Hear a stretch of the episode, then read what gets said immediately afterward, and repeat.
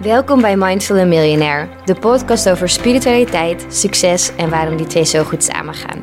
Als ambitieuze entrepreneur professional ben je continu bezig met groei en ontwikkeling, van zowel je bedrijf en carrière als van jou als persoon. In deze podcast ga ik, Steffi Roos Dumain, op zoek naar de beste spirituele tools om jezelf op businessgebied te ontwikkelen. Van mediteren tot manifesteren en van ayahuasca tot zen-boeddhisme. Ik ga in gesprek met verschillende experts en deel mijn eigen ervaringen om jou te inspireren.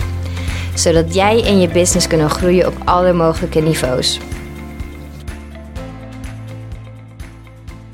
Ik wil het vandaag hebben over geld en over spiritualiteit. En nu denk je misschien, Steffi, dat is zo'n beetje de naam van je podcast, zo wat nieuw.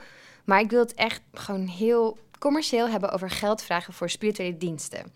En ik doe zelf niet spiritueels, dus ik twijfelde even om dit op te nemen.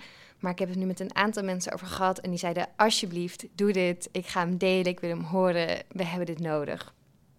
Want er ligt nog steeds iets, iets vreemds op geld vragen voor je spirituele practices, voor wat je doet of spiritueel te bieden hebt. Sommige mensen vinden het zelf spannend om te doen, of die denken: ja, ik moet het met iedereen delen, dus ik mag hier geen geld voor vragen of heel weinig. Maar er zijn ook mensen die gewoon zeggen: van joh, waarom vraag je hier geld voor? Dat zou toch niet moeten? Nou, dat eerst als mensen zelf die belemmering voelen, is gewoon heel zonde. Want geld is energie en dat moet stromen. En dat niet alleen. Dus jij moet, ja, jij moet beloond worden voor wat je doet en wat je ons te geven hebt. Maar ook voor die andere persoon. Als je er geen geld voor geeft of geen geld voor over hebt, dan heb je ook niet die commitment. En dat is ook iets wat we echt hebben geleerd bij yoga. Er moet iets tegenover staan. Dus mensen kunnen niet alleen maar een gratis yogales doen.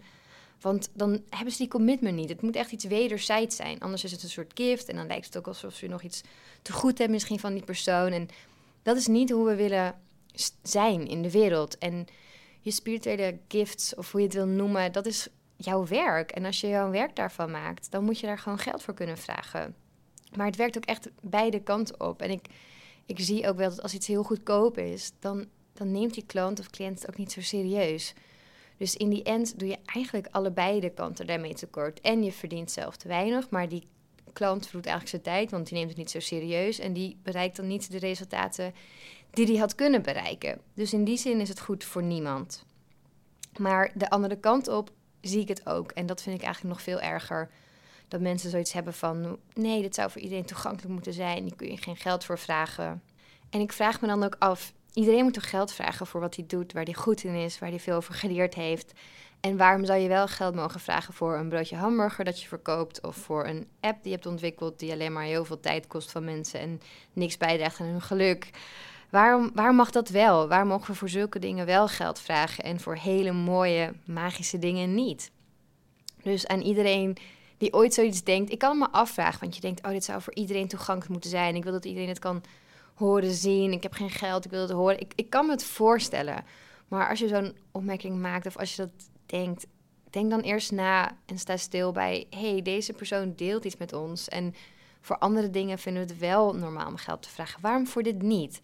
Ga gewoon bij jezelf na waarin hem dat zit. En als je het toch niet zo belangrijk vindt of als je het toch niet zo serieus neemt, ja, dan betaal je dat geld er niet voor en dan heb je er niks aan. Maar dat, ligt, dat is aan jou. En ga dat niet delen. Ik vind het, er ligt al zo'n smet op. En, en heel veel mensen in de spirituele wereld vinden het al zo moeilijk om daar geld voor te vragen. Dus we het alsjeblieft niet nog moeilijker voor ze maken. En als ik naar mezelf kijk, naar iemand die graag spirituele gifts van andere mensen afneemt of graag inhuurt, ik vind het juist heel fijn dat de spirituele wereld steeds professioneler wordt. En dat mensen er echt hun fulltime baan van maken. Want als ik kijk naar mezelf, ik hou gewoon van duidelijkheid. Ik hou van een mooie website. Ik hou van weten wat ik ergens voor moet betalen. Ik hou van mensen die echt goed op de hoogte zijn van alles wat ze doen. Want ik wil niet mijn tijd uh, en mijn energie verpesten of verspillen aan iemand die het maar een beetje erbij doet. Dus ja, ik heb liever dat ik gewoon geld betaal voor iemand die daar ook gewoon lekker van kan leven, die daar zijn business van heeft gemaakt, dan dat ik bij alleen maar mensen terecht kan die het in de avonduren doen in een keldertje omdat ze er niet geld voor durven vragen of niet mogen vragen. Dus als je kijkt naar de hele ontwikkeling in de spirituele wereld, vind ik het echt een geweldige ontwikkeling dat die steeds wat commerciëler wordt. Dat mensen er ook echt hun werk van kunnen maken. Want ja, heel eerlijk, dat maakt het voor mij gewoon veel makkelijker. Ik ga gewoon graag naar een mooi kantoor of een mooie ruimte met mensen die echt dit doen en die hier ook volledig voor gaat, gaan. Want als we eerlijk zijn, leer je dan liever iets van iemand die nog een normale baan heeft waarmee hij zijn geld verdient. En daarnaast dit doet. Dat kan. Het kan heel goed zijn. Sommige mensen hebben een talent of die kunnen dat heel goed. Maar het is soms toch ook heel fijn als jij ja, je leven of je lot voor een tijdje bij iemand neerlegt, dat diegene daar echt voor gestudeerd heeft, dit fulltime doet en daar ook zijn geld mee verdient. Dat is toch eigenlijk iets heel erg moois.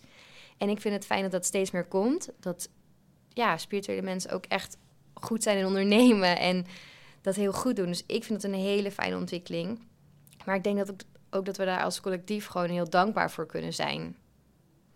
Want als je erover nadenkt waar je geld aan uitgeeft, dan doe ik dat veel liever aan mensen die echt hun dharma leven, die de wereld mooier maken, die mijn leven en mijn wereld mooier proberen te maken, dan dat ik dat uitgeef aan een tas of kleding of nou ja, waar ik het ook maar aan uitgeef. Reizen, nou reizen mag nog wel. Maar je snapt wat ik bedoel. Dus ja, dit is echt een oproep van mij. En ik hoop dat er steeds meer discussie over komt. Laat ook echt weten wat je hiervan vindt. Deel het met me, tag me. Want ik vind het belangrijk. Het is misschien geen sexy onderwerp om het zo over geld te hebben en geld voor je diensten vragen te hebben. Maar ik vind het wel echt, ja, echt belangrijk. Ook om de hele spirituele wereld kunnen ontwikkelen. Daar is gewoon geld voor nodig. Vergelijken met mannenvoetbal en met vrouwenvoetbal.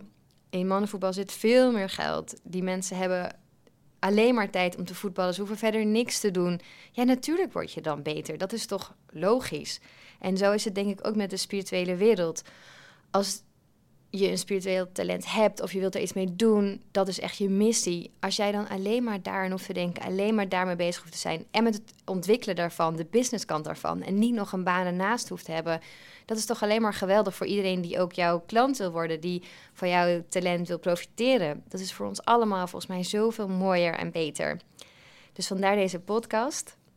Het is niet raar of ongeoorloofd om geld te vragen voor je spirituele diensten. Het moet juist. En het is voor iedereen beter. Zowel voor jou, want dan kun jij er meer tijd aan besteden, als voor de ontvanger.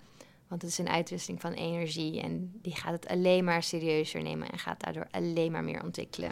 Dankjewel voor het luisteren.